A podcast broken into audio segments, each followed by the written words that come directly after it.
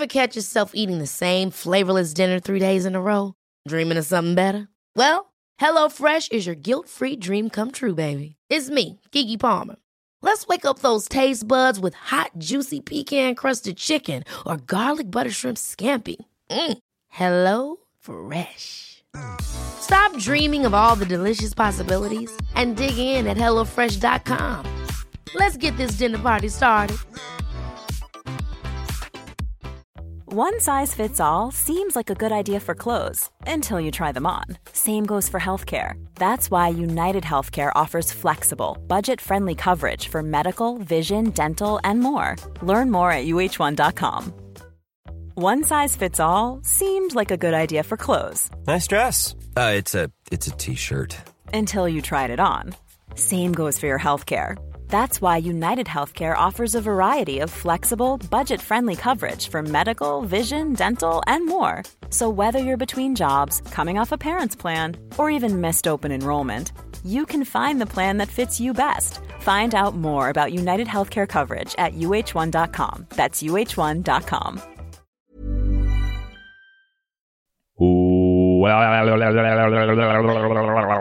Hallo! Hallo, mannen. Hva er det gærent med deg? Uh, fly boys, fly boys, what you gonna do? What, you, gonna, do? when the eagle comes for you? Da ringer du meg. Nice. nokke den rett ned. Kommer ingen vei. Da blir det bråstopp. Kommer til å lage film om den, da. Det er ikke kødd engang. Du, nå er det jo på episode 30, da. Er vi det? 30-årsjubileum. 30 år. Oh yeah. 30 years. Kjennes jo sånn ut som vi holder på i 30 år her. Boomsk.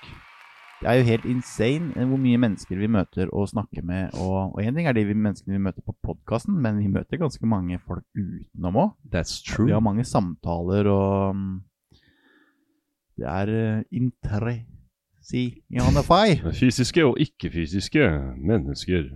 Ja. Vesener, vil jeg kalle det. Flyter litt fritt rundt i dimensjonene, Yeah. kan du si. Oh, sounds good. Eh, så det er eh, hyggelig. Er det bra med deg? Veldig bra. Jeg er uh, fyrverkeri her nå. Skal vi på kakaoseremoni senere i dag? Yeah, oh my god. Ute hos uh, Marte. På Tula-yoga. Ja, det har blitt uh, preppa for i dag, kjenner jeg. Nå eh, bygger det seg opp, bygger det seg opp, bygger det seg opp. Mye godt i vente i dag. En eh, transformasjonsdag uten like. Takknemlig for det, eller? Veldig. Husker du hva vi snakka om sist? Takknemlighet. Det er ikke verst. mm, Takknemlig for å sitte her i dag, da. veldig. Sjukt takknemlig. Og så er jeg takknemlig for at vi har med oss noen her i dag, så ikke det blir for mye guttagrøt. Ah, Det er sant. Og det er vel litt derfor jeg er fyrverkeri òg, tror jeg. For at uh, energien i rommet er uh... mm -hmm. Who is here? Jonas? Det er Hedda. Lumini Malene. Mhm. Velkommen skal du være, Velkommen. Tusen hjertelig takk. vår venn. Mm. Tusen, tusen, tusen takk. Du har tatt turen fra Nøtterøy. Nøtterøy. Lovely spot. Så gøy. Ja. Og nå sitter du her hos oss, på Happyhuset. Fun fact er at jeg faktisk har manifestert dette. Yes. Få høre. Så eh, min venninne Henriette, som var her uh, på en av de første episodene deres Henriette Dale. Dale, ja. Um, hun snakket om at hun skulle på en podkast.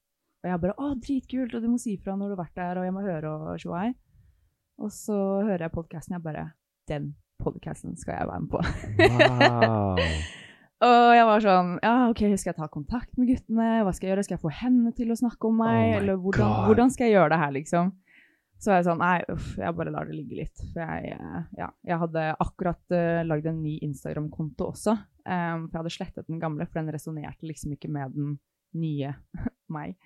Uh, så jeg var litt sånn Ja, OK, jeg må først legge ut noe content og litt sånn. Og så begynte jeg å følge dere. Og så noen måneder senere så begynte du å følge meg, Jonas. Sånn Jonas! Helt random. jeg hadde ikke skrevet til deg eller noen ting.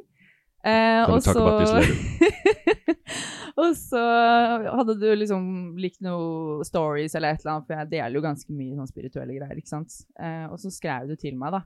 Eh, ja, du har ikke lyst til å komme på podden, da? Jeg bare fy faen. Det som Jeg skjer da, at når jeg, når jeg, når jeg da liker, så begynner jeg å sikte meg inn her, ikke sant? Ja.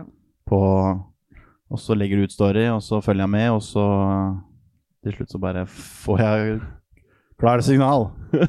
In white. Ja, men det er så kult, fordi jeg hadde altså Til den dag i dag så har jeg jo ikke delt så veldig mye enda.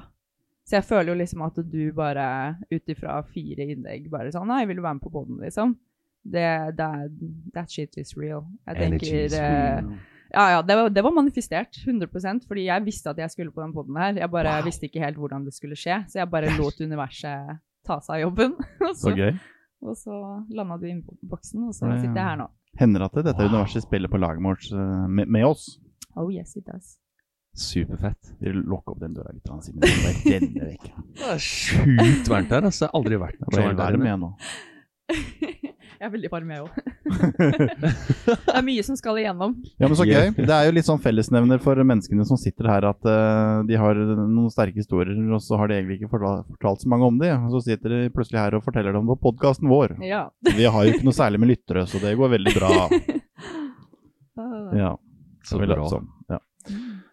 Hei, så gøy. Kan ikke du fortelle litt uh, hva du driver med for noe, da? Ja, ehm, ja, hva jeg driver med. Driver med alt og ingenting. Jeg, eh, Driver og brenner noe sage, i hvert fall. Ja, det, det gjør jeg. Eh, jeg har alltid med meg den. Det er greit å rense opp i energiene.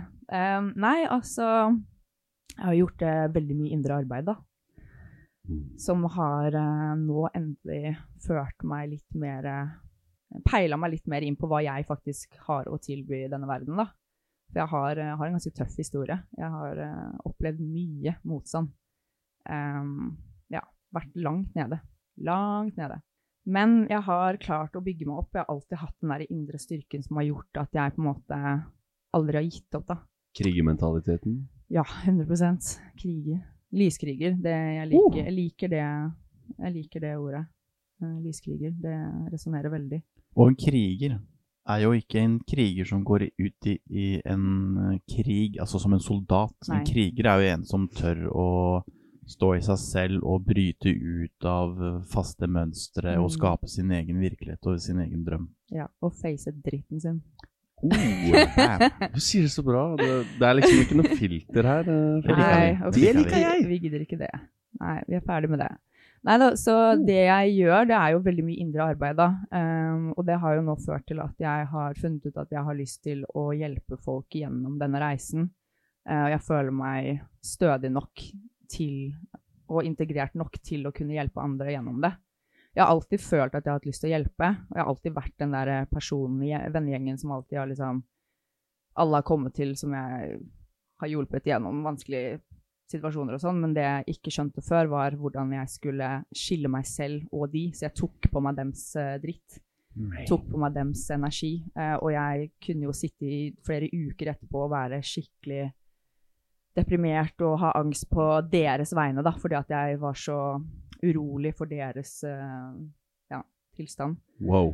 Så ja, jeg skjønte jo etter hvert at jeg er en empat, og Ja, at jeg akkurat det jeg skulle se, til Ja. å si. Du er eh, ganske empatisk, regner jeg med. Ja, 100 uh, Men jeg skjønte også at jeg uh, for det første ikke kunne hjelpe noen eh, før jeg eh, hjul- hjulpet meg selv, eller før jeg hjalp meg selv. Regel nummer én. Regel nummer én, ja, fordi jeg sleit meg så sykt ut så mye. eh, Fordi jeg skulle hjelpe alle andre, men jeg neglekta meg selv. Så de siste årene har egentlig gått ut på å virkelig liksom gå inn i meg selv og jobbe med skyggesider, skrelle av lag, eh, beskytte meg selv og bli mer og mer intuitiv, da. Altså koble meg mer og mer på intuisjonen og faktisk stole på den. Fordi vi går jo gjennom livet og har en intuisjon, men så stoler man ikke nok på den, og så har man en verden rundt deg som sier sånn Hvis, hvis du f.eks. merker et eller annet med en person da, som er litt off, og så prøver du å konfrontere den personen ah, 'Jeg føler at det er noe' Nei, herregud, det er jo ingenting. ikke sant? Så du hele tiden gjennom oppveksten da, så blir du hele tiden sånn trykka ned for det du egentlig vet at du føler på inne, som er ekte, ikke sant? Yeah. Vi blir på ingen måte lært opp i dette samfunnet å stole på magefølelsen. Nei, ikke det Eller hele stole på oss tatt. sjøl. Ikke i det hele tatt. Vi skal jo stole på andre, og Ja. alle andre skal gjøre jobben for oss. Alle andre skal fortelle hva vi Ja. skal gjøre. Alle andre skal gjøre oss lykkelige. Mm, 100 Så jeg skjønte jo, skjønte jo det etter hvert, da, at eh, nei, uff, jeg må, jeg må stole på min intuisjon, liksom. Eh, og det ledet jo opp til at jeg var nødt til å gi slipp på en del folk også. Uh, som jeg liksom følte at det var noe som lå under, men jeg klarte ikke å sette fingeren på det. Men det var mennesker som jeg hadde hatt i livet lenge, som det var vanskelig å gi slipp på. Og som det var også vanskelig å konfrontere med det jeg følte på, fordi at de ikke var åpne for å høre det, da. Ikke sant? Så det var, det var ganske tøft. Men når jeg først gjorde det, og sto i det en stund, da var jeg sånn OK, shit. Og nå er det sånn, nå kan, nå kan jeg sense med en gang jeg går inn i et rom. works. This works. Altså, nå kan jeg sense med en gang jeg går i et rom, om det er noe som er usnakka, eller om det er noe som ikke har blitt sagt, eller om det er en elefant i rommet, liksom. Og det er sånn, jeg er en sannhetssøker, og jeg, jeg vil ha sannheten. Jeg orker ikke å gå rundt grøten Det er ikke noe kødd rundt deg. Folk skvetter. Tenker jeg, er noe ureint mel i posen, så er det bare å holde deg langt Ja, det er bare å holde seg unna, ass. I vennekretsen din så er you the problem. Så jeg feiret bursdagen min i går med jentene mine. Uh, og dette er jenter som jeg vet jeg 100% kan være meg selv med. Uh, og det gjør også at jeg embracer mer av meg selv, og at jeg tør å steppe inn i min rolle som uh, en lysarbeider. da. Eh, At jeg tør å sitte og tromme på tromma mi og danse rart og gå uten sminke og altså Være deg sjøl. være meg selv, 100% Så nei, vi koste oss. Vi var i badstue i går, og vi, eh, vi danset. Vi hadde kakaoseremoni, vi lagde god mat. Vi bare, jeg ga reiki til venninnene mine. tell, tell us about that. Ja, eh, jeg praktiserer reiki. Så eh, første gang jeg ble introdusert for reiki, var når jeg var og reiste backpacka i Australia. Det er snart ti år siden, faktisk. Ja, det var, det var helt sjukt. Herregud. Det er rått, Jeg backpacka i Australia et halvt år. Wow. og det er ganske sykt at jeg gjorde det, for jeg hadde så sjukt angst på den tiden der. Men jeg bare skjønte at jeg måtte eh, oppleve ting. Jeg bare hadde et sånn skikkelig drag. Så det endte jo med at min eh, healingreise begynte der, da. Jeg møtte en healer eh, som var helt fantastisk. Og hun eh, oh, jeg må bare puste litt. You're killing it! Jeg, det er veldig bra. Det er knallbra. Ja, men det er så mye. Jeg har Herregud, så mye. det her er det sjukeste. ja, mye. Åpenheten din er bare meg insane. Ja, takk. Jeg har Du liksom åpner meg opp, liksom. Jeg har bare tenkt på liksom før jeg kom hit, bare sånn herre Hvem historie skal jeg ta? For det er så mange. Men jeg, jeg tror det som skal frem, det kommer. Så Helt riktig. Det er Jeg, et bibliotek her. ja, det er det absolutt. Eh, Jeg stikker til Australia og eh, er på den backpackerturen da, eh, og møter denne healeren. Og hun er litt sånn forsiktig og bare sånn ja, Moren din var ikke, hun var ikke helt grei med deg, hun. Jeg bare sånn Nei, det var hun ikke. Ja, OK, men jeg kan gi deg en healing, og så ser vi hva vi kan gjøre. Um, så jeg legger meg ned på benken, og hun gir meg reiki, eh, og jeg bare faller rett inn i transe. Jeg husker ingenting av det. Um, etterpå så går det vel en dag, så får jeg et enormt utslett på hele kroppen. Altså, det var over hele kroppen. Jeg hadde atopisk eksem da jeg var liten fordi jeg var utsatt for veldig mye stress. Jeg kommer til å komme litt mer tilbake til det senere. Men det var en reaksjon som bare ble satt i gang, og kroppen purcha, liksom. Og herregud, jeg klødde over hele meg, og jeg sov i et telt. jeg sov i telt på en sånn yogafarm, og inni det teltet var så sjukt varmt. Altså Australia midt på sommeren, ikke sant. Og du kan tenke deg, jeg ligger og klør inni det teltet. Åh, det var helt forferdelig. Og jeg skjønte at ok, nå skjer det store ting. Nå sto du i dritten. Ja, da sto jeg i dritten, ass. 100 Eh, og etter det så, så møtte jeg jo flere healere på veien min da, i Australia, som også ga meg reiki, eh, og alle var veldig på at eh, reiki var noe jeg trengte, da. Um, så etter det så kom jeg tilbake til Norge, og så har jeg en gudmor som praktiserer reiki, så hun har gitt meg veldig, veldig mye reiki de siste årene, og så har jeg også tatt reiki-kurs. Så nå praktiserer jeg også reiki. Um, så Fantastisk. Good looking. Mhm. Oh yeah.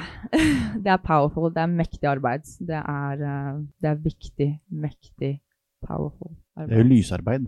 Lysarbeid 100 100 Så, så er du så dedikert at du gir reiki til tre av venninnene dine på bursdagen din. ja. You're a giver. Ja, det er så sykt, fordi de bare Ja, men det er jo din bursdag, herregud. Og jeg bare sånn Ja, men jeg føler glede av å gi dere det her. Jeg klarer ikke å sitte her og kose meg hvis jeg ser at dere sitter og har ting dere trenger å gi slipp på her, liksom. så jeg var sånn Nei, hun ene hadde gått gjennom masse med familiegreier, og jeg bare sånn Hun satt jo og sjalv, ikke sant. Jeg bare Du legger deg ned nå, og så gir vi deg litt reiki. Og det ble så Det ble så fint. Det var helt nydelig. Jeg elsket det. Altså, jeg elsker å være in service. Det er liksom min purpose, føler jeg. Definitivt. For noen ordvalg. Elsker å være in service, altså. Takk skal du ha, ass. Ja. At du gir, uh, gir oss det her. Altså, jeg føler du gir nå. Du gir meg så mye. Jeg sitter her og gaper nesten. Jeg bare oh. Ja, men tusen Wow. takk. Det, det setter jeg veldig pris på, den tilbakemeldingen. Um, Jeg merker den energien nå. Den er, det er så ekte. ja, Det er så ekte. takk. This is healing. Takk. Det setter jeg veldig, veldig stor pris på. Det har ikke alltid vært sånn her, altså. Det kan jeg tenke Jeg, meg. jeg tror spørsmålet mitt var Jeg måtte tenke litt sånn Hva, hva var det jeg egentlig spurte om her nå? Du Jeg, sendte jeg av tror gårde. jeg spurte om eh, hva er det du driver med for noe. Ja, ja. Så det, jeg skjønner vi er inne på noe her nå. Jeg tror ikke jeg trenger å stille flere spørsmål. Jeg tror du bare skal få lov til å snakke, La den skuta gå snakke selv. La den skuta gå. Nei, altså, jeg kan jo fortelle litt om historien min, da, og hvor alt dette her starta. For jeg har jo absolutt uh, ikke alltid uh, vært så sterk uh, i meg selv og stødig i meg selv som jeg er nå. Jeg har alltid vært sterk, men jeg har nok ikke vært like stødig. Jeg har vært eh, langt nede. Så det starter med at uh, jeg vokser opp med en mor som er psykisk syk, uh, sammen med lillebroren min, som er fire år yngre hvor jeg er nødt til å ta mye vare på lillebroren min, fordi moren min er ustabil. Veldig ustabil. Og her er det snakk om omsorgssvikt eh, til de grader, altså veldig grov omsorgssvikt. Eh, fysisk vold, eh, mye Psykisk vold. Ja. Og mye, mye drugs, eh, alkohol, altså Ordentlig drittpakke. ja, skikkelig. Det var jævlig tøft, ass. Jeg husker jeg var mye alene. Um, vi bodde jo på en hytte oppe i Hallingdal, for mamma hadde fått for seg at eh, siden lillebroren min hadde astma, så måtte vi bo på fjellet. da var jo vi isolert fra alle, så vi bodde alene på en eh, familiegård der oppe, eh, to kilometer fra bygda eller noe sånt. Og der husker jeg at der eskalerte liksom, sykdommen til mamma, da. Eh, og jeg var veldig mye alene ute i skogen og eh, Ja, jeg husker det jeg var mest redd for, var liksom ulv og rev. At det skulle komme ulv og rev og ta meg. jeg var ikke redd for noe annet. Og det var her egentlig jeg også begynte å få litt sånn eh, syner. Jeg begynte å se liksom eh, en gutt med sixpence og bu bukseseler og, og sånne ting da, i skogen. Så du gikk rundt ute i skogen og Trip, på en måte um, skapte din egen Ja.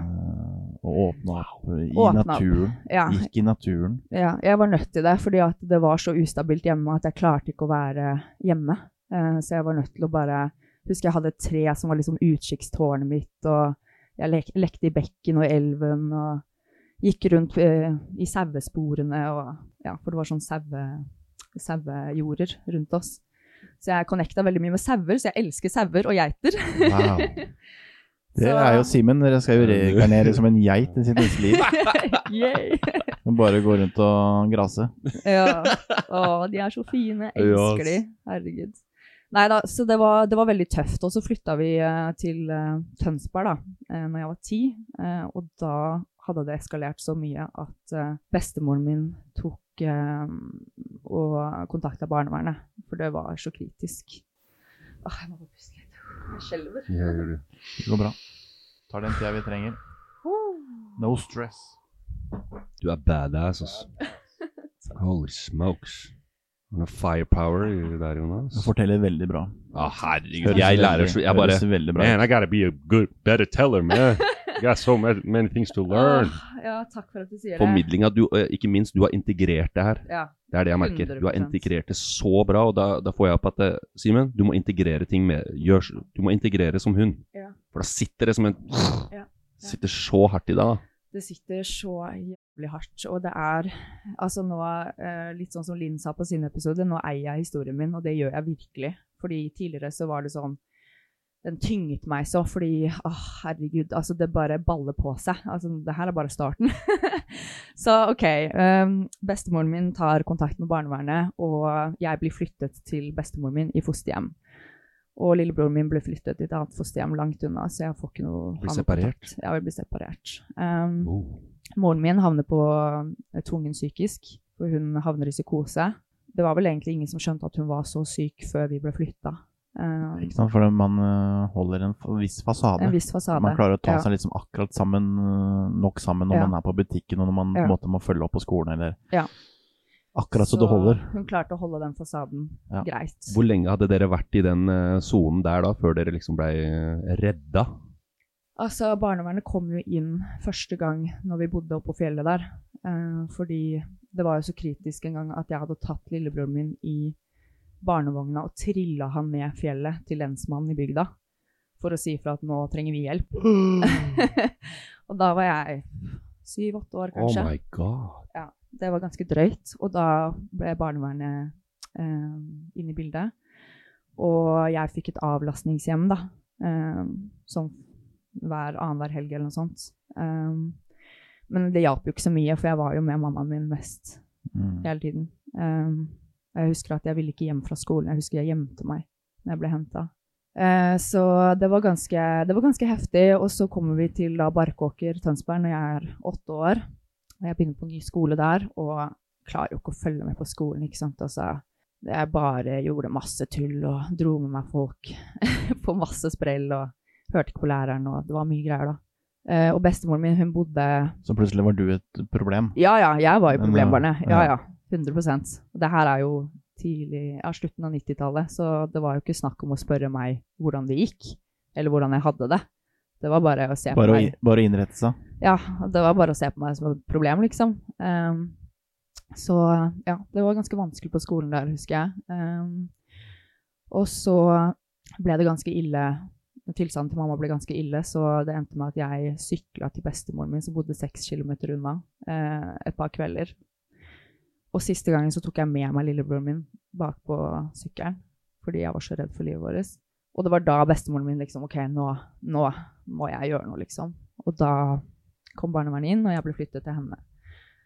Um, jeg hadde jo varig men, da. Altså, jeg var jo ordentlig forstyrra. Traumatisert. Traumatisert. Altså De tingene som skjer der de første ti årene i livet dine, de, de, de, Oh du, du rister ikke de av da fordi at du får en avlastning eller kommer Nei. unna litt. grann. Det må du jobbe med til langt inn i Ja, Absorberer de som en svamp, vet du. De Ja, åra ja. der. ja. 100 De blir integrert og sitter støpt. Veldig Så er det grovarbeid som skal til for å på en måte slippe, slippe det løs igjen. Ja, jeg skjønte jo ikke det da. Jeg var jo ti år, ikke sant. Og det var jo ingen rundt meg heller som uh, tenkte at uh, jeg trengte litt hjelp, da. Så jeg hadde jo store søvnproblemer, og jeg kom meg ikke på skolen, og jeg hata skolen, og ja, jeg ble jo bare sett på som et problem der også. Det var jo heller ingen som spurte meg der hvordan jeg hadde det. Eh, jeg husker det var så mye konflikter med lærerne, og jeg ble mobba, og, og jeg fikk med meg ja, fikk med meg folk på så mye tull, så det endte jo med at de splitta klassen i to og satte meg sammen med alle nerdene, sånn at ikke jeg skulle påvirke resten av klassen og sånn. Så ja, det var ganske drøyt. Fikk du, Eh, fikk du omvendt de nerdene, eller? The det- divide. Ja, det var faktisk et par ganger jeg fikk de med. det var faktisk det. Hun kødda til det her òg, liksom. Ja, ja. Hun har noe power, hun lille jenta her. Det var litt morsomt, for jeg var jo med hun ene barndomsvenninna mi fra barnesko den barneskolen der i går. Hun bare Ja, jeg husker Jeg glemmer aldri når du begynte på skolen, Hedda. Første dagen så dro du til læreren. og, og, Bare å og sette seg i respekt med en gang, ja. Simen. og, og hun bare Hun skal jeg bli venn med!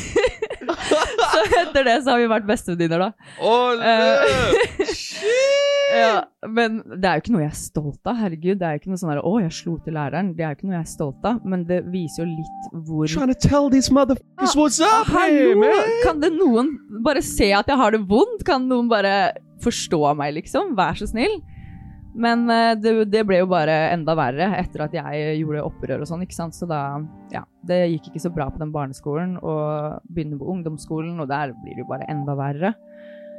Men du tok Eh. en beslutning, tok med deg lillebror på Ja. sykkelen, sykla seks kilometer til bestemor, Ja. og gjorde en endring sjøl, da. Det er jo, det er jo et vendepunkt i livet. Ja, 100 Selv om det ikke løser seg der og da, så er jo det på en måte en ny retning. Men du har med deg dritten i bagasjen. Ja, 100 Ja. Og det påvirker meg resten av, eh, av det ungdomslivet og det tidlige voksenlivet, da. Så det ender jo med altså, Jeg trenger jo ikke å gå inn i alt, for det er veldig mye å fortelle. Men det ender jo med at bestemoren min ikke klarer å håndtere meg. Så fra jeg da er 13, jeg bor hos henne frem til jeg er 13. Fra jeg er 13, så bor jeg da eh, åtte forskjellige steder. Jeg blir flytta på institusjoner eh, og avlastningshjem. Um, Hvordan ja, Du skal sikkert fortelle det, men hvordan? Altså, for det er, jeg har hørt flere om, som er der liksom at okay, nå, man, nå trenger man hjelp, men dette er vanskelig. Ja. Så da gir vi deg en skikkelig runde. ja. Ja, la, la, kanskje det hjelper hvis du flytter en ti-elleve ganger? ja, ja, ikke sant? Ja. Altså, det, det, det, Altså. dette mennesket trenger eh, Stabilitet. stabilitet, trygghet, kjærlighet. Gosh. Hvor forbanna vanskelig kan det være, Ja. sånn alvorlig talt? Ja, det Det er, er ikke barnet det står på, altså. Det er voksne mennesker som ikke klarer ja. og evner. Barnet skriker Så at det her er det noe som må løses opp i, og det klarer ikke jeg å fikse sjæl. Hallo! Ja. Hjelp! ja. Nei da, det, det var jo ingen som eh, Altså, alle så meg som et problem. Hele veien. På skolen, altså barnevernet, PPT, alle. Det var bare Nei, hun har atferdsproblemer, og her må, må det sterkere tiltak eh, inn for å liksom håndtere denne jenta. Trengte en klem. Jeg trengte en fuckings klem! Wow. Og bare Å bli hørt på. Hør på meg, liksom. Bare hør på meg. Sett deg ned og hør. Ha litt tålmodighet. Ja, Mm. det var jo ingen som gjorde det. No. Um, så det er ganske mye traumatiske opplevelser i uh, alle disse flyttingene også, for det var mye politi som var innblanda. Mye flyttinger som skjedde uten at jeg fikk beskjed først. Um, ja. Så Altså, det var så mye omsorgssvikt, da. Jeg hadde liksom opplevd svikt fra familien, moren min. Så kommer bestemor inn, prøver sitt beste, hun klarer det ikke. Og så blir jeg tatt av det offentlige, og så bare svikter de meg ti ganger verre. Mm. Så ja. Så Hva, det hva foregikk i hodet ditt um, i disse liksom, åra når du kom opp i ungdomsåra der og du så at dette Nei. landriket Jeg ble jo jævlig opprørsk, da. så jeg Du- var du jo har Du har jo vært en, uh, ja, et, et, en krevende greie. Ja, ja. 100 Ja. Men altså, ikke sant, hva skjer da når du er et barn som trenger omsorg og kjærlighet, og så får du det stikk motsatte? Du blir jo bare ti ganger verre, ikke sant. Du Mm. skriker mer, du gjør mer opprør, du knuser mer, du fighter mer for å bli sett, men Mm. så gir det motsatt eh, effekt, da. Og så Ja. skjønner jo ikke du selv at, eh, at du trenger å roe deg ned, fordi du bare går på automatikk. Har du ikke fått de verktøyene du skulle Nei. fått uh, inn fra starten av? Ikke det hele I tatt. de, spesielt de første åra der fram til du er Mm. syv-åtte år, hvor man Mm. på en måte suger til seg så mye. Hvor man egentlig personligheten blir forma. Det liksom, Du får ikke henta de inn igjen på samme måten hvis noen kommer og gir omsorg eh, 15 år etterpå. Nei, det er noe med det. Så jeg opplevde jo mer og mer svik eh, for hvert sted jeg kom, fordi at eh, altså de som jobbet på de forskjellige institusjonene. For det første så var de jo på turnus, så de jobba jo der bare tolv timer av gangen. Så kom det et nytt menneske, og så var det et nytt menneske, Mm. og så var det et nytt menneske, og så slutta den, og så kom det en ny. Og så, så, det, vikar og ja, så var det noen vikarer, og så var det noen nattevakter, og liksom du blei jo aldri eh, kjent med noen av de, og du følte deg jo veldig utrygg. Og oppi alt det her så begynte jeg å ruse meg også, fordi eh, rusen føltes trygt, og menneskene som ruste seg, eh, hadde mye av de samme historiene som jeg hadde, da. Så jeg følte en tilhørighet der. Eh, så det var jo veldig mye rus i bildet også. Er det litt sånn at det, det til slutt ble et enkelt valg å skulle ruse seg fordi at det, altså man måtte rømme fra det? Ja, ja. Gotta do something. 100% Så jeg, jeg begynte å røyke hasj første gangen jeg var 13 år. Og det var en daglig greie, det. Så jeg måtte Hvordan var den første opplevelsen der? Å, uh, oh, herregud. Vi var i stallen. For jeg drev med hest. Røyka litt høy. røyka litt høy i stallen. Så var det en av de som jobba i den stallen, uh, utrolig nok, som røyka. Uh, og så sa hun Hun skjønte at jeg liksom For jeg hadde begynt å røyke sigg og sånn. Så hun skjønte liksom at jeg var litt sånn Da er du badass når du Ja. røyker sigg. på de viddene. Ja, ja. så hun bare Ja, jeg røyker hasj, har du lyst til å være med og sånn? Så jeg bare ja, ok. Så møttes vi uh, i Hva er det for noe? Salbrakka. og røyka hasj eh, på natta, da. Og så akkurat idet vi holdt på med det, så var det noen hester som hadde stikket av. Så det liksom, plutselig så kom det masse andre folk løpende på utsiden, Nei. og vi bare kjempenoia. Og-. Ja, ja. Eh, Så det var ikke noe, det var, ja, det var ikke noe bra opplevelse. Nei. Så nei, uff. Men etter det, altså, det ble veldig mange år med rus, og jeg prøvde det meste, altså. Og på den tiden så var det veldig mye Det var hasj, amfetamin, eh, piller. Jeg var ikke så veldig glad i piller fordi det, jeg mista meg selv, eller sånn Jeg våkna, våkna tre dager etterpå og huska ikke en dritt hva jeg hadde gjort, og sånn. Det likte jeg ikke. Jeg likte å være til stede, liksom. Og så var jeg faktisk i et jævlig tungt miljø, ass. Jeg var i et skikkelig tungt miljø. Det er helt sykt egentlig å se tilbake på, hvor Altså, de fleste som jeg kjente på den tiden, de er enten døde, eller så er de trygda, liksom. Det er, jeg kan telle på én hånd av de folka som jeg hang med på den tiden, som er oppegående mennesker, liksom. Så ja. Det, det var heftig. Klarte er ganske bra, du. Ja, mot alle odds. Mm. Mot alle odds. Det, det er liksom That's the warrior. Ja. Så eh, Nei, det ender jo med at jeg bor eh, på mange forskjellige institusjoner. Den siste institusjonen jeg kom til, eh, der fikk jeg heldigvis hjelp. Endelig. Eh, Det var noe som het Klokkegården-kollektivet eh, på Flisa. og der hadde På de Flisa? På Flisa, i eh, Hva heter det? Um, Hedmarken. Eh, og der hadde de et sånn faseprogram, og de voksne som jobbet der, de var der to uker på og to uker av, så du rakk å bli kjent med de. Eh, du fikk liksom et forhold til de voksne, eh, og de sto i det med deg. Altså sånn, På de andre institusjonene så kunne du knuse et par tallerkener, og så var de sånn OK, vi gjør hva du vil. Eller liksom sånn, De var redd for deg. Mens der så var det sånn Jeg lugga og slo og prøvde, testa grenser som faen. Men de sto i det, og de sto der, og de var sånn Vi går ikke fra deg før vi har snakket om dette. Wow! Og da skjønte jeg at disse menneskene, de kødder ikke. De vil meg godt. Tøff kjærlighet. Yes. Ja. Så, så der fikk jeg faktisk hjelp, og jeg fikk psykolog, og eh, jeg begynte på skole. Jeg hadde masse huller i skolen, ikke sant. Jeg hadde jo bodd, blitt flytta hit og dit, så jeg hadde jo ikke noe ungdomsskole og videregående og sånn. Eh, Who så- needs that? ja, who needs it? Eh, men eh, i hvert fall så fikk jeg hjelp, da. Og jeg fikk psykologtimer, som sagt. Og da eh, plutselig begynte jeg å skjønne hvorfor jeg hadde de reaksjonene jeg hadde hatt, og hvorfor jeg ja, hvorfor jeg rett og slett hadde vært så sint, og liksom Ja, alt det der, da. Eh, det begynte liksom å gi mening. Um, Wow. og så Ja. There. There's purpose in everything. Ja. Oi, oi, oi, oi, oi, oi. oi. Det er intenst.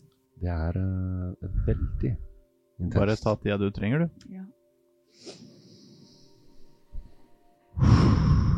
Du er veldig bra, til, bra på å fortelle. Og du forteller Jeg forteller, skjønner at du, du kunne jo egentlig sittet og fortalt i tre uker, men du, du holder akkurat på den der fine linja. OK, takk. Bra. Så det er veldig, veldig bra. Bare, Tre? bare Ja, fortell. Det påvirket livet mitt veldig eh, drøyt, da. Mm. i, i disse årene. Ja. Um, men vendepunktet var jo da når jeg kom til den institusjonen eh, og endelig ble sett og hørt, da. Hvor jeg på de andre institusjonene hadde blitt, satt på, øh, blitt utsatt for seksuelt overgrep, altså eh, fysisk overgrep.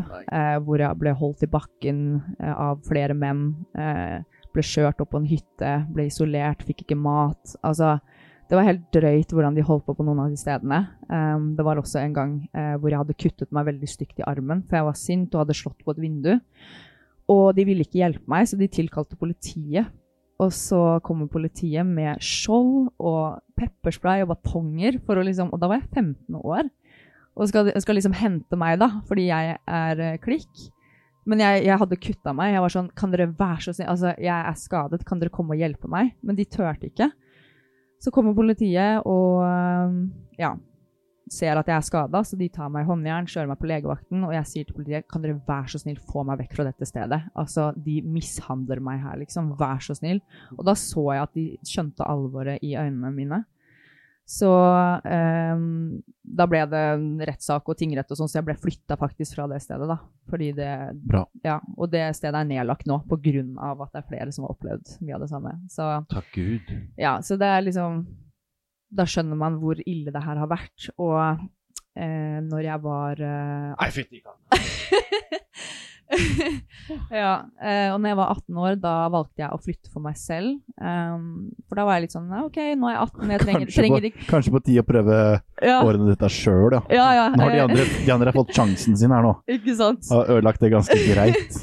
Nå, nå trenger jeg ikke barnevern lenger, jeg er myndig, så nå kan jeg liksom flytte for meg selv. Eh, Jeg skulle få ettervern av barnevernet, at de skulle følge meg opp. Um, de hjalp meg ikke med å finne leilighet, de støtta meg ikke økonomisk, de hjalp ikke med fysisk aktivitet, altså de hjalp ikke med noen ting, de hjalp ikke med å sette i gang en dritt.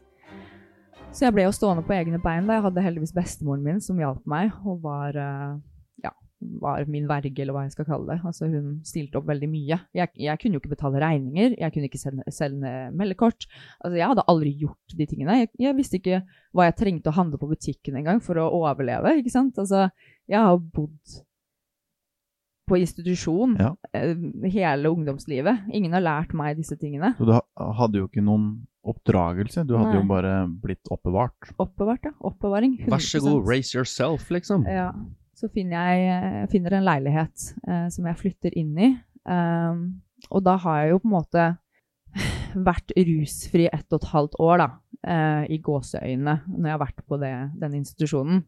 Jeg har jo drukket og sånn når jeg har vært hjemme på, på ferier og sånt. Um, men jeg kommer da ut i denne leiligheten og er fast bestemt på at nå skal jeg klare meg. Um, men det går ikke så lang tid før jeg liksom tar opp kontakt med dårlige venner igjen og liksom Ja, har jo fortsatt varig men, da, ikke sant. Fordi jeg har jo Du må jo fortsatt deale med dritten. Jeg må deale med dritten. Må det.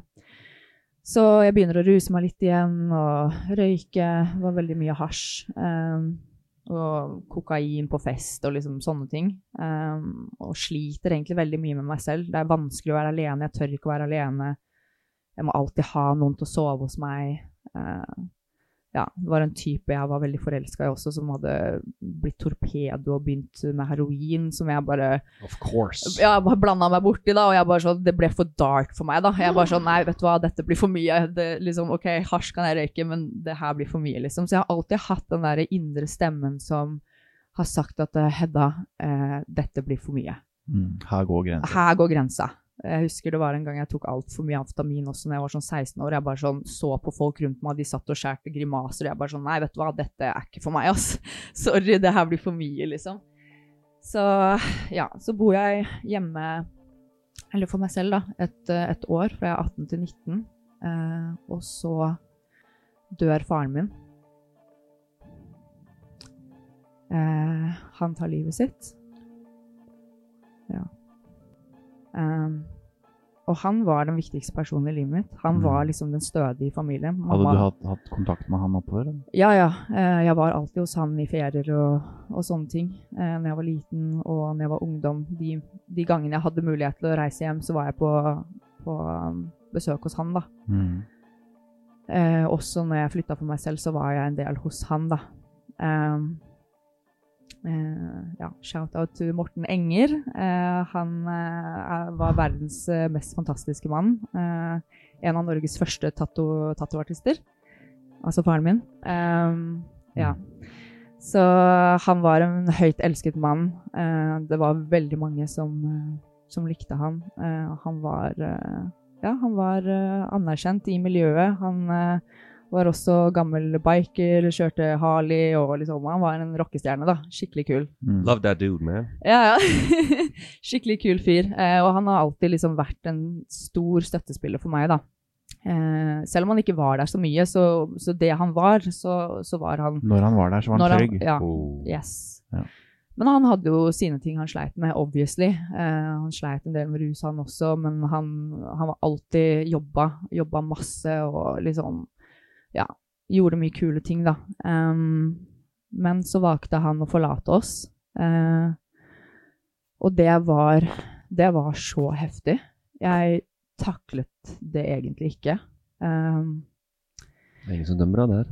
Nei, det, det ble så tøft. Um, How much can a girl take? ja, det er liksom Og du hadde ikke noen uh, armé rundt deg som støtta deg heller uh, i den Nei, altså jeg hadde jo en syk mamma, da. Hun var liksom av og på. Så hun støtta meg, og så hadde jeg bestemoren min. Det var liksom Mm. de. Og så en tante. Um, men utenom det så var det liksom Ja. Jeg var alene, liksom. Um, Dette må du klare sjøl. dette må jeg klare selv. Så jeg husker jo liksom året, det året etter at han døde, så husker jeg faktisk ikke så veldig mye, fordi eh, jeg bare drakk og rusa meg og bare orka ikke å deale med det. Åh. Ja.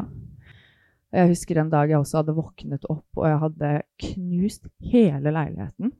Jeg hadde vært så sint og bare hadde så mye sorg og liksom klarte ikke å liksom deale med det, så jeg hadde bare knust alt. Og jeg hadde kutta meg sånn skikkelig grovt på, på foten, så det var blod overalt. Oh my god. Og det så jo skikkelig grotesk ut. Eh, så huseieren da kom jo ned og bare 'Herregud, hva er det som har skjedd her?' Og jeg bare 'Nei, kan du kjøre meg til lege?'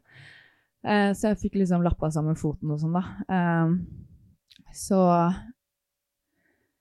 tar det litt tid, men jeg begynner liksom sakte, men sikkert å liksom Det er her liksom det spirituelle kommer ordentlig inn, da. For det er nå jeg begynner å merke at eh, faen heller, liksom. Pappa er med meg.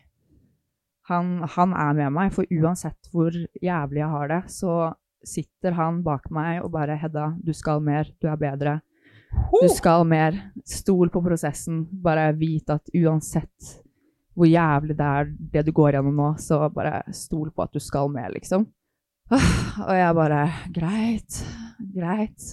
Og fortsetter. Um, Hvordan, hvordan kjente du at det var han? Fikk du noen um, tegn, eller var det bare vissheten om at det var han? Ja, jeg fikk tegn. Jeg så uh, refleksjonen hans i speil. Um, ja. Og så Han var jo veldig spirituell, da. Han hadde jo vært i Tibet rett før han døde eh, og gjort noe greier nedi der. Lagt inn noe greier. Lagt inn noe greier, fått, uh, fått noen downloads uh, der, for å si det sånn. smokes. Så han eh, eh, Han hadde med seg et sånn nøkkelknipe med om på, som jeg hadde fått, da. Um, og nå Ja, vent da, jeg må bare puste litt. Ja. Vi må puste, vi Everybody gotta breathe here. Ikke bare du som blir blåst av kartet her. Altså. Hvordan er temperaturen her nå? Ja. Det vet jeg ikke. Den er uh, iskald. mer kjølig. ja. Mer kjølig, ja. ja. Er du varm eller er du kald? Eh, jeg er ikke Jeg, jeg, jeg veit ikke. Jeg svetter, men jeg er ikke varm. Ble veldig kaldt her nå. Klarer deg veldig bra. Takk. Ehm. Ehm, det går jo så langt at jeg eh, på et tidspunkt egentlig ikke har lyst til å leve mer. Um, jeg husker jeg sitter hos en kompis midt i byen uh, sammen med masse venner. Og jeg føler meg så alene, og jeg har så angst. Og jeg begynner å få panikkangst. Og jeg bare Jeg takler ikke dette mer. Jeg klarer ikke. Jeg, jeg nå, nå er jeg ferdig. Nå, nå, vil, Nå vil jeg ikke mer. Ja, nå er det nok, liksom. Det her var vel kanskje eh, ni måneder etter pappa døde, eller noe sånt. For toleranse. Ja. Der først kommer de tankene, liksom. Ja, ja. Altså, wow. Uff, ja. Jeg har sikkert hatt tankene før, men jeg hadde ikke liksom prøvd å Nei, gjennomføre det. gjennom da. Nei. um, og jeg løper ut av døra der. Uh, og jeg, på en, en eller annen måte så, så snubler jeg i skoen min, og jeg tryner så jævlig på asfalten. Og skraper meg liksom på hofta og liksom på albuen. Og bare, det gjorde så vondt, så jeg bare ble liggende der. Og så var jeg litt sånn flau også, for det var liksom midt i byen, så det var masse folk rundt og sånn. ikke Passe sant? kleint. Ja, ja. Jeg bare Herregud. Hva driver jeg med nå? Ja. Men jeg var jo fortsatt i det der angst-panikkanfallet, ikke sant. Mm. Um, og så er jeg sånn Å, faen, OK, reis meg opp. Og så liksom lukker jeg opp øynene, og så ser jeg i hånda mi, så plutselig så ligger den nøkkelknipe... Altså den om-nøkkelkniperingen ligger i hånda mi. Og den hadde ikke jeg med meg. Jeg hadde den ikke med meg. Move matter. Og jeg bare Hva faen? Eh, og så reiser jeg meg opp og liksom børster av meg og liksom begynner å gå mot togstasjonen. da, For planen min er jo å hoppe foran toget. Og jeg går bortover, og, og idet jeg kommer på perrongen, så kommer toget òg. Hva er oddsen for det? Det kommer liksom én gang i timen, og akkurat når jeg kommer, så kommer toget. Og jeg bare Skal jeg hoppe? Skal jeg ikke? Skal jeg hoppe? Skal jeg ikke? Og jeg bare sånn kikker i hånda mi, og så ligger den derre OM-nøkkelringen, og bare pappa bare så sterkt bare Hedda, kom igjen, liksom. Kom igjen. Det her, det her er så tegn at du, du, du kan ikke gjøre det her, liksom. Og toget kjører forbi, og jeg bare faller sammen og hylgriner, liksom. Så det var en jævlig sterk opplevelse. Um, så etter det så tatoverte jeg om på uh, hånda mi på wristen her. Um, bare sånn for å minne meg selv på at uh, uansett hvor jævlig tøft jeg har det, så er pappa med meg, og jeg skal mer. så ja. Um, men det har jo tatt sin tid, da, etter det å liksom heale alt sammen, da. Komme seg Mm. gjennom. Var, du, var det, var det båndpunktet, eller? Uh, nei, jeg har hitta mange båndpunkt etter det, faktisk. Men ikke hvor jeg har liksom følt at jeg har lyst til å ta livet mitt, men det har vært masse annet også etter det. Alt må jo ut, vet du. Ja, Men kjenner du det at han er mer av? ja, ja. 100% Kjenner du at han er her nå? Ja, Er det? han er det. Mm.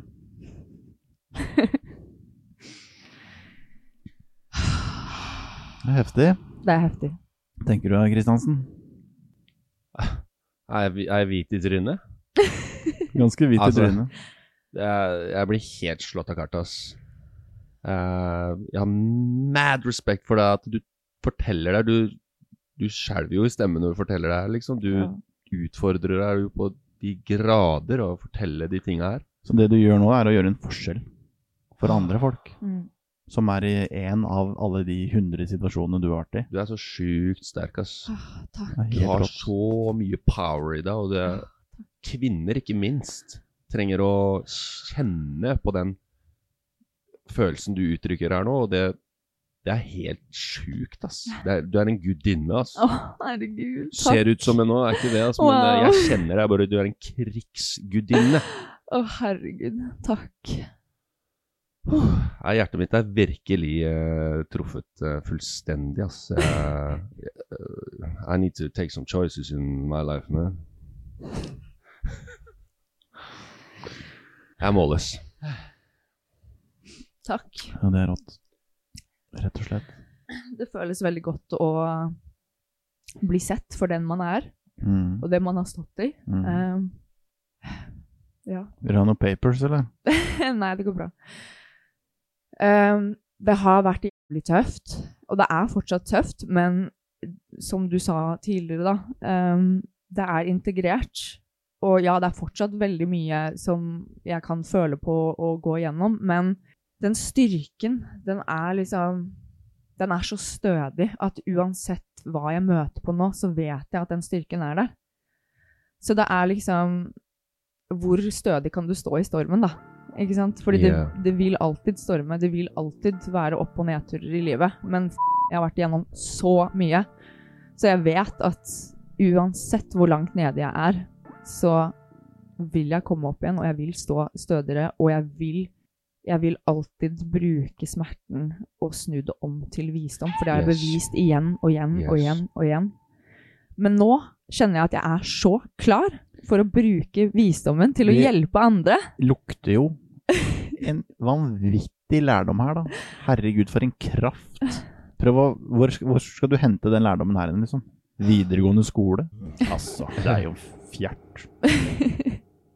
Det her er avansert. Det du sier om integrering der, det er uh, helt essensielt. fordi at det, det handler ikke om hva du går igjennom. Mm. Doesn't matter. Det handler om hvordan du håndterer det, Mm, og hva du sitter igjen med, hva slags erfaring og lærdom du tar ut av det. mm, Samme hva som skjer. Hvis du velger å drite i det og do something else og døve det og Mm. whatever, så sitter det ikke. Men her sitter det jo som et pumphagleskudd rett i brystkassa di. Jeg elsker hvordan du uttrykker deg. Det er så kult. Herregud. Thank you. Nei, men altså, det er jo det jeg merker da, ikke sant? Fordi at eh, ja, ok, greit, dette skjedde, og jeg har kommet igjennom, og så har det jo vært mange år med da dårlige forhold som har påvirket meg veldig mye, så jeg har kommet meg gjennom det, og så opp igjennom dette så har det vært av og på med, med rus. Og det er ikke at jeg har rusa meg til daglig, men at jeg har liksom eh, festa mye og vært mye partydop og sånn. Eh, ja, ja, escapa og fått veldig mye selv, eller falsk selvtillit og bekreftelse gjennom det. Boom. Og hatt veldig mye mennesker som jeg egentlig kanskje ikke skulle hatt rundt meg. ikke sant? Ikke vært Dårlige relasjoner. ja, ikke sant? Ikke helt klart å, å vite hvem som har vært riktig å ha rundt seg, da. Eh, så det er vel egentlig det siste året hvor jeg bare nå har bare Jeg var så deprimert en stund fordi at jeg bare gjorde alt jeg ikke skulle gjøre. Jeg visste egentlig hva jeg skulle, men så bare gjorde jeg det ikke. Og jeg bare ble mer og mer deprimert. Du falt i gamle mønstre. I gamle mønstre, ja. 100% Og ruste meg, begynte å røyke sigg igjen og sånn. Og jeg er liksom egentlig veldig sånn opptatt av trening og liksom Jeg er bare sånn Jeg dro på trening, så jeg røyka sigg etterpå. Jeg bare Hva faen er det jeg holder på med, liksom? polarity. Ja, ja, fuck, ikke sant? Men, men så har jeg liksom lært å observere sykt mye, liksom, hvor er det alt det her kommer fra? Og jeg har liksom valgt å um, face meg selv da, og være ærlig med meg selv, for det er jo bare meg selv jeg lurer når jeg står og tar den røyken der. Altså, hva faen, liksom? Eh, og, så liksom, og så kommer det til et punkt der hvor det bare sånn Nei, vet du hva, den røyken her, den, den stopper meg fra det jeg ønsker i livet mitt eh, aller mest. Og så var det bare å slutte på dagen. Og så kommer det jo litt røyksug her og der, og så er det sånn Nei, men da står jeg i det, da. Og så bare dabler det av sakte, men sikkert. Ikke Why are we quitting? Ja, Ah, ja ikke yeah. sant? Jeg bare sånn faen, Purpose. Holder meg igjen fra abundance, og det holder meg igjen fra å være i service, og faen, jeg kan ikke stå her og røyke og, og hile andre folk, liksom. Det er bare helt fucked, liksom. Så liksom, jeg begynte å bli litt sånn ekte med meg selv, da. Bare sånn Det er en hindring. Ja, hvem er det du har lyst til å være, egentlig? Så ja, det samme med rus også. Eh, Det var jo en sånn falsk escape, ikke sant. Jeg var veldig svak for cola. Eh, Så når jeg liksom var ute og drakk, så var det sånn Jeg kunne bestemme meg for at jeg skulle dra hjem tidlig, men eh, det skjedde jo aldri. Jeg skulle jo være den som satt på nach til klokka seks om morgenen og Ja, for det blir jo kult, ikke sant? Ja ja, for da var jeg kul. Da, ja ja, og da hørte jeg på hiphop og var liksom den gamle versjonen av meg selv som jeg var når jeg trengte å være tøff.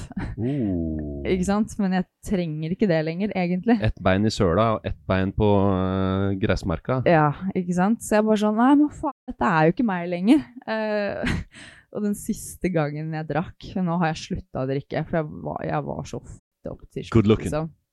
Ja, Da er, vi, altså, da er vi tre. ikke sant. Uh, jeg, jeg må bare fortelle den historien, for det er litt lættis eh, når man Ja, nå må vi ha noe lættis inni i bildet her. ja, vi må ha noe lættis. Ikke sant. Ok, så jeg har egentlig liksom begynt å drikke mindre, da. Det her skjedde i fjor sommer, så jeg har ikke Ja, det er fjor sommer.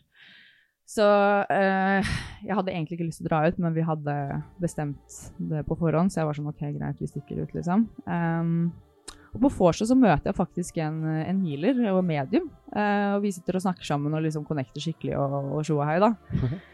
Eh, og så drar vi jo ut på byen, da. Faste, faste runden ut på byen. og så møter jeg jo så klart noen jeg vet eh, har eh, litt ekstra. Eh, så jeg hadde jo bestemt meg å dra hjem klokka tolv. Det skjedde jo ikke. Eh, og jeg er inne på do og koser meg med litt i nesegodt. Og så eh, Og så bare observerer jeg meg selv og bare sånn Hva driver du med nå? holder du på med nå, Hedda? Hva, hva er det her deg? Det her, det her har du ikke lyst til.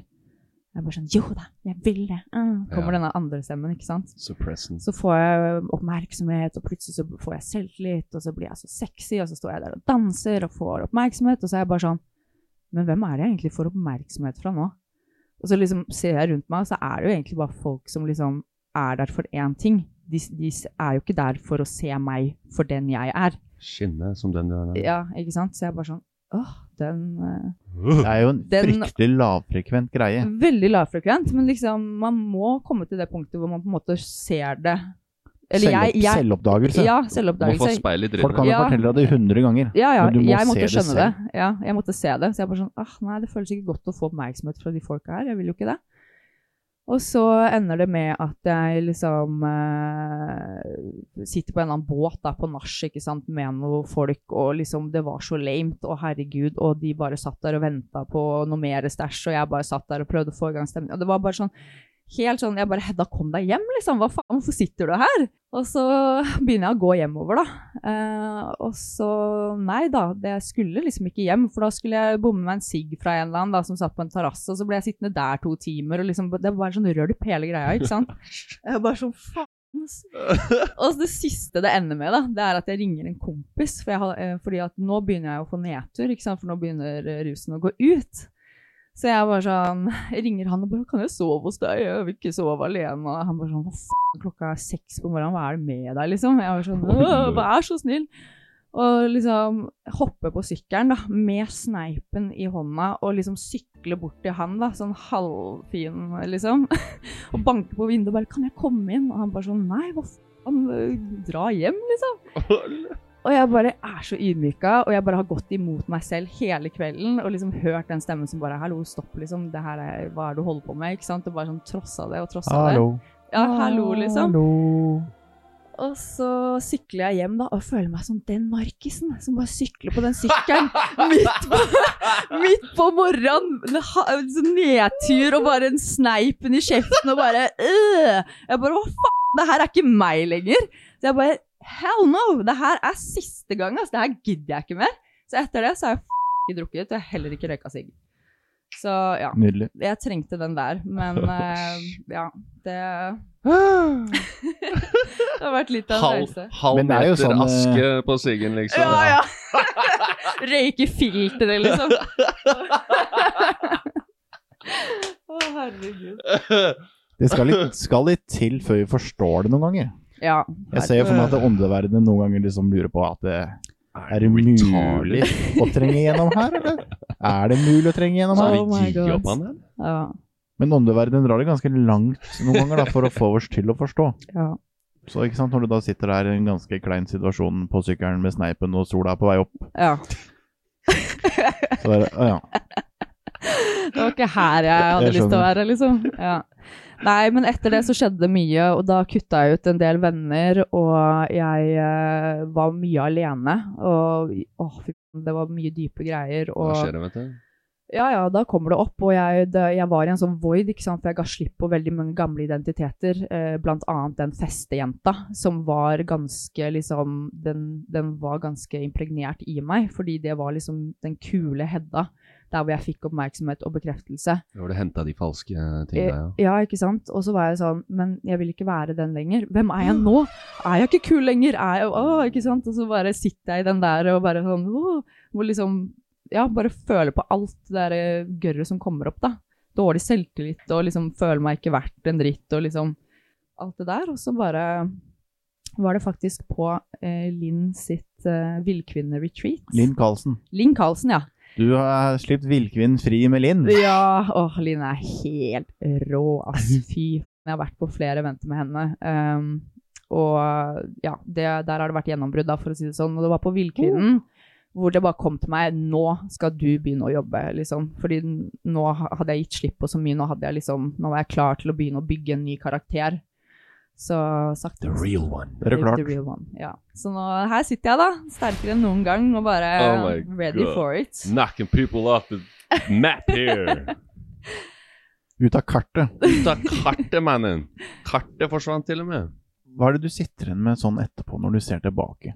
Hva, hva er liksom den Juice. store lærdommen her? Åh, herregud.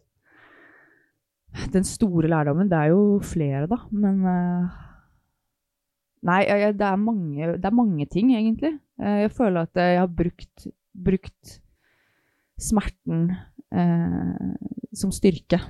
Det er liksom det største. At jeg alltid har liksom funnet styrken. Jeg har alltid stått sterkt uansett.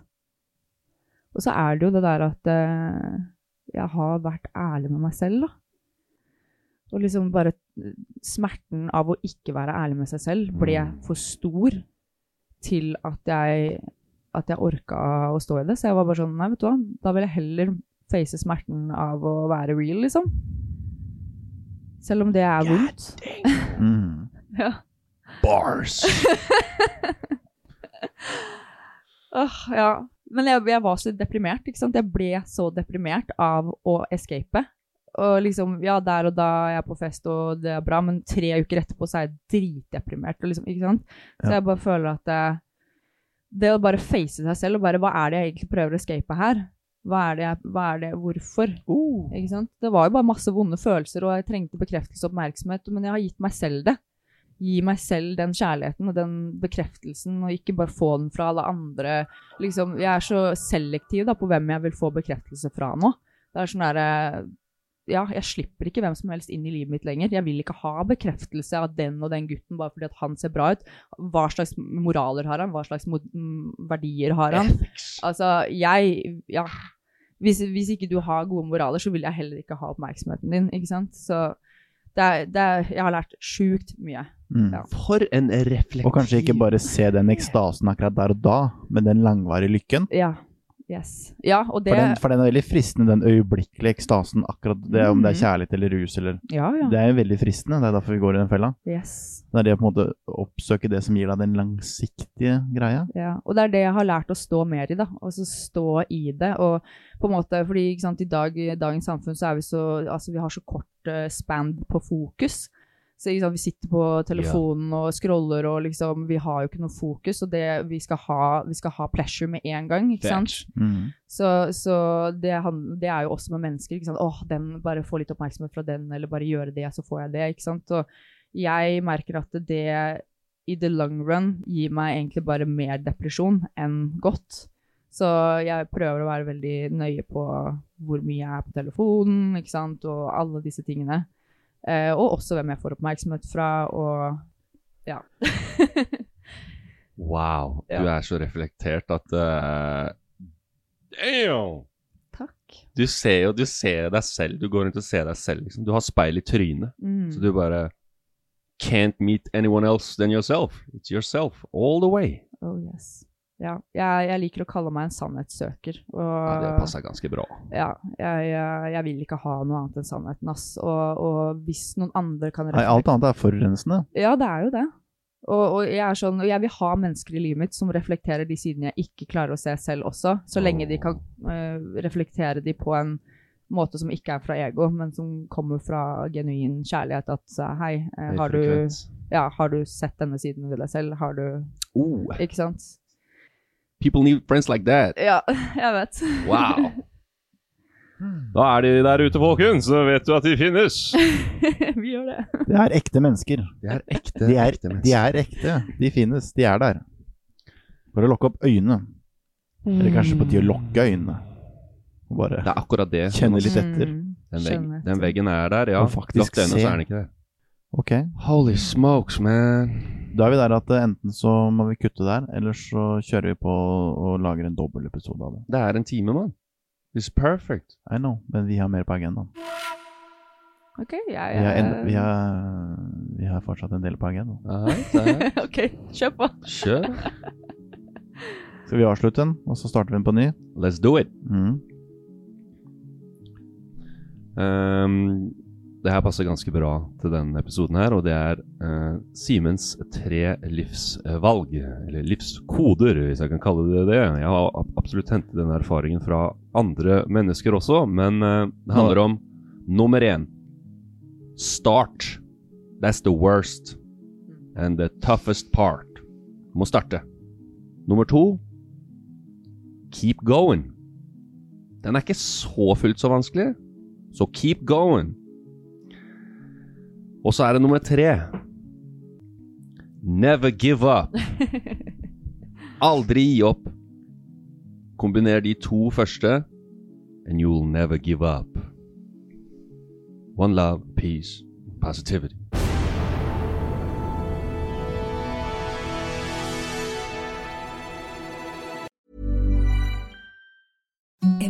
The softest sheets you've ever felt. Now imagine them getting even softer over time. That's what you'll feel with Bowl and Branch's organic cotton sheets. In a recent customer survey, 96% replied that Bowl and Branch sheets get softer with every wash. Start getting your best night's sleep in these sheets that get softer and softer for years to come. Try their sheets with a 30-night guarantee. Plus, get 15% off your first order at bowlandbranch.com. Code BUTTERY. Exclusions apply. See site for details.